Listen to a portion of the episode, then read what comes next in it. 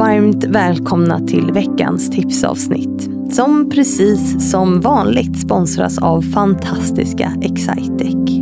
Jag har som ni nog har märkt haft en liten paus från poddandet under sommaren och släppt några favoriter i repris. Dels för att jag och min klippare Oskar skulle få lite semester. Men också för att jag har fokuserat på att skriva klart min andra bok. Vilket är helt sjukt men nu är det gjort och jag är tillbaka. Mer laddad än någonsin skulle man kunna säga för en riktigt hektisk höst som är fulladdad med spännande avsnitt. Så jag hoppas att ni är lika taggade som jag är. Veckans gäst och först ut för hösten, det är Gefjon Off.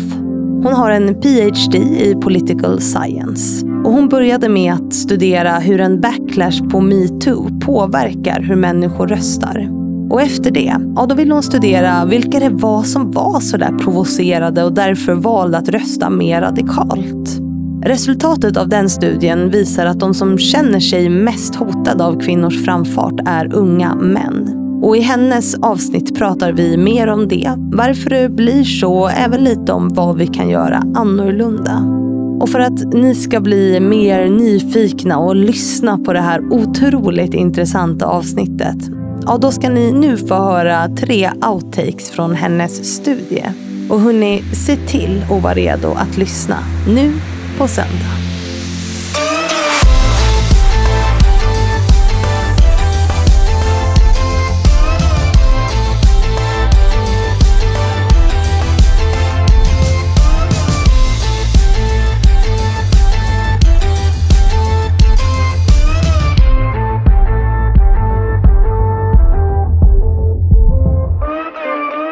Vi säger varmt välkommen till Gefjon Off.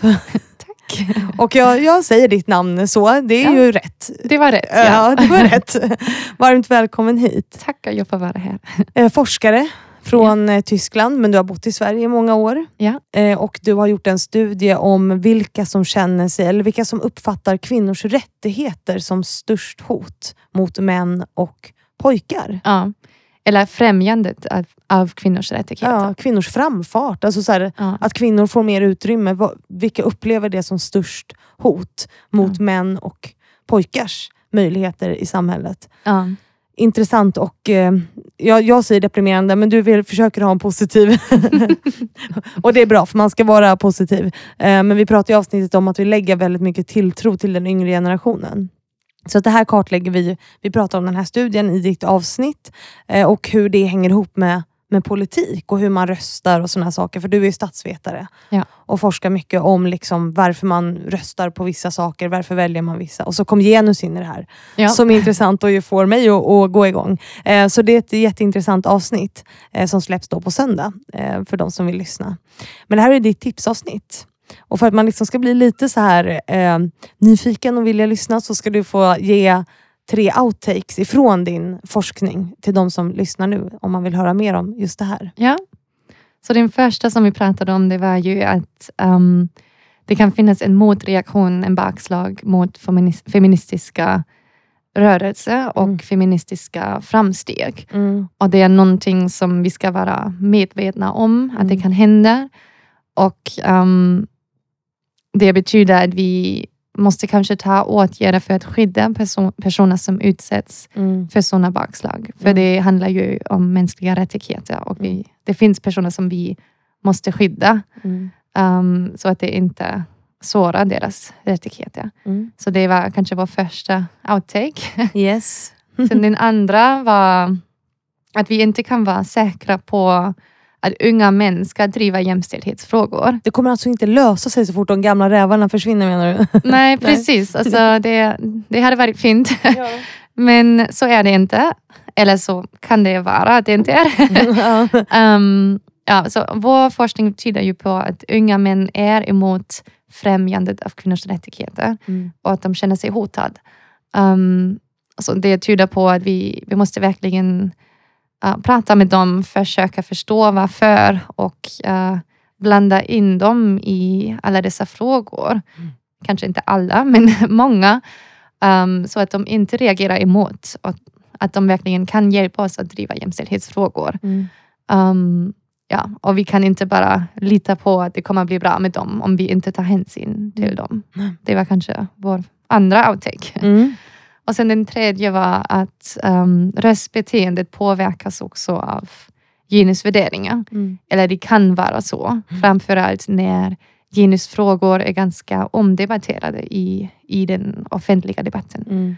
Så när till exempel efter metoo-debatten, då hittade jag i, i min data att um, genusvärderingar påver påverkade beslutet att rösta på SD Mm. för personerna som har konservativa genusvärderingar. Mm.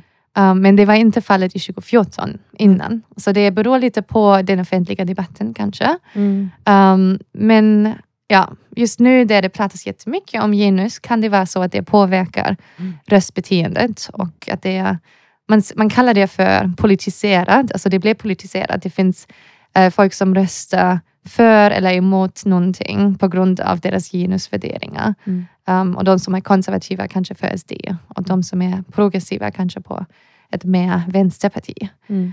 Um, ja, Mm. så det är ganska viktigt att, det, att veta att det påverkar röstbeteendet. Ja, det är superviktigt och att det hänger ihop väldigt mycket. Ja. Eh, Sen är du här som förebilder idag i Fannys förebilder. Förebilder blev du. Du är här som en förebild i Fannys förebilder. Eh, Och då brukar man få säga själv om man har några. Har du det? Någon? Jag, jag är inte förberedd. Nej, det är man aldrig på den här Ja. frågan förstår du. jag, jag tror att mina förebilder just nu är kvinnliga forskare som, som är uh, kanske de som, är, som har tagit nästa steget. Mm. Um, som är inte så mycket vidare än jag, som är ganska unga fortfarande. Mm. Men som har tagit dessa steg som jag gärna vill ta. Som jag tittar på och tänker wow, men hur cool är ni bara? Mm. Alltså, hur har ni gjort och hur, hur bra ni är? Och, Mm. Så jag har några av dessa kvinnliga uh, forskare som jag ser som mina förebilder och som jag tänker om ganska ofta när jag fattar mina beslut om hur jag ska göra och Mm. när jag ja, söker hjälp till alla mina frågor kring, kring framtiden och sånt. Mm. Så det, det är kanske det. If you can see it you can be it, eller hur? Ja, det hjälper. Det hjälper Ja. verkligen. Jag, är- jag är glad om att jag får forska i, i en institution där det finns dessa kvinnor. Mm. För det finns många institutioner i Europa där det inte finns många kvinnor. Och jag har dessa förebilder här bland mina kollegor Mm. och jag är jättetacksam för det. Mm. Fint. Men då säger vi tack för att du har varit här och så säger vi åt de som lyssnar nu att de ska lyssna på söndag helt enkelt. Så tusen tack. Tack att jag fick vara här. Och tusen tack till alla er som lyssnat på veckans tipsavsnitt. Jag hoppas att ni får en fortsatt bra vecka och sen så hörs vi ju på söndag igen, precis som vanligt.